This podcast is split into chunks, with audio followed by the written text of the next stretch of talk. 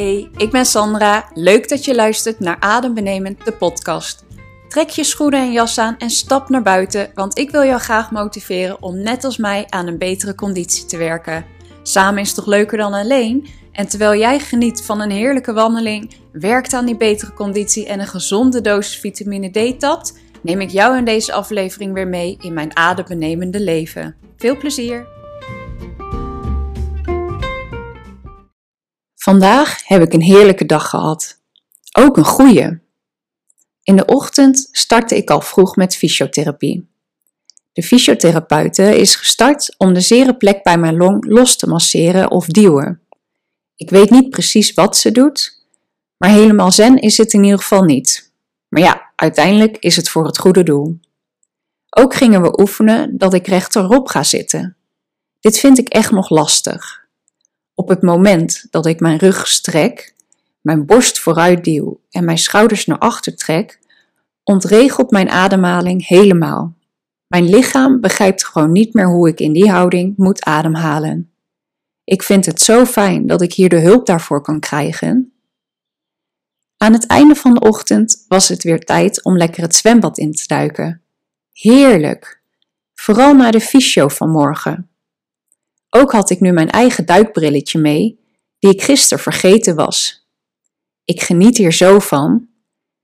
De bewegingsagoog heeft met mij een doel gesteld voor een x aantal baantjes wat ik over negen weken kan zwemmen binnen een half uur.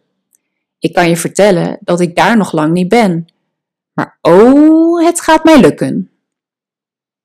In de middag stond fitness op het programma uit de gesprekken met de specialisten is naar voren gekomen dat ik tijdens activiteiten nooit zoveel voel, maar nadien helemaal gesloopt kan zijn. Het is voor de komende weken een doel om tijdens activiteiten meer te gaan voelen en mijn activiteit daarop aan te passen. Terwijl ik op de crosstrainer mijn warming-up aan het doen was, kwam de fysiotherapeut naar mij toe en herinnerde mij hieraan. Ze adviseerde mij om tussen de oefeningen door rust te nemen en te voelen hoe ik mij voel. Maar ik weet helemaal niet hoe ik dat moet doen. Of misschien weet ik wel hoe ik dat moet doen, maar wil ik niet voelen wat ik dan voel. Toch nam ik na de warming-up even bewust rust en voelde mijn lichaam. Ik merkte al gauw dat ik niet zo blij was en liep dus snel naar het volgende apparaat. Al snel kwam de fysiotherapeute langs en gingen we in gesprek. Ik gaf aan dat ik het erg confronterend vind en eigenlijk niet wil voelen. Ze zei dat ik dit op een gegeven moment toch echt moet gaan doen, dat zij niet voor mij kan beslissen wat ik wel of niet kan doen. Ze adviseerde, of nou ja, verzocht mij dringend, dat ik vandaag beter op ieder apparaat één set kan doen, zodat ik in ieder geval elke spiergroep meepak. In plaats van dat ik direct bij een apparaat drie sets achtereen doe en dan uiteindelijk uitgeput niet op alle apparaten langs kan gaan. Het voelde echt als falen dat ik niet die drie sets achtereen zou doen. Gelukkig organiseerde de fysiotherapeuten een buikspierkwartier. Door hieraan mee te doen, had ik toch het idee dat ik had gesport. Laat die sixpack maar komen. In de avond besloten drie medetoppers en ik om een avondwandeling te maken. We besloten het bospad te pakken. Een aantal dagen terug hebben we deze ook als avondwandeling gelopen.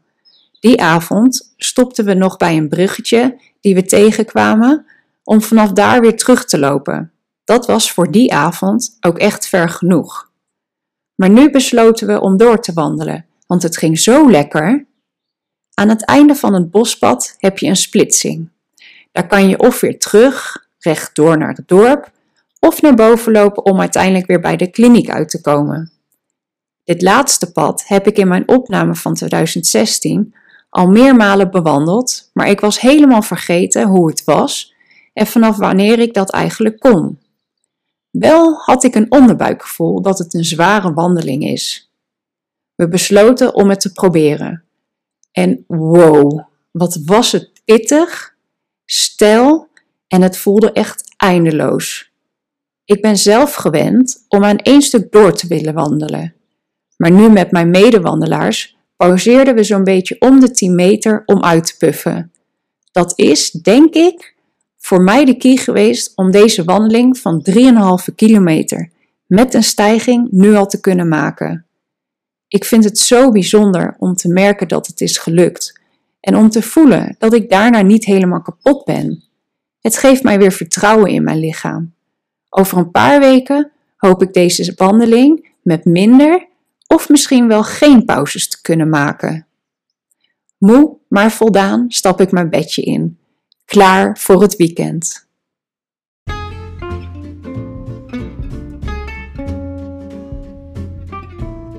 Hebt zojuist geluisterd naar een aflevering van Adembenemend de podcast. Wil je meer weten over Sandra of meer verhalen lezen? Check dan adembenemend.blog. Tot de volgende keer.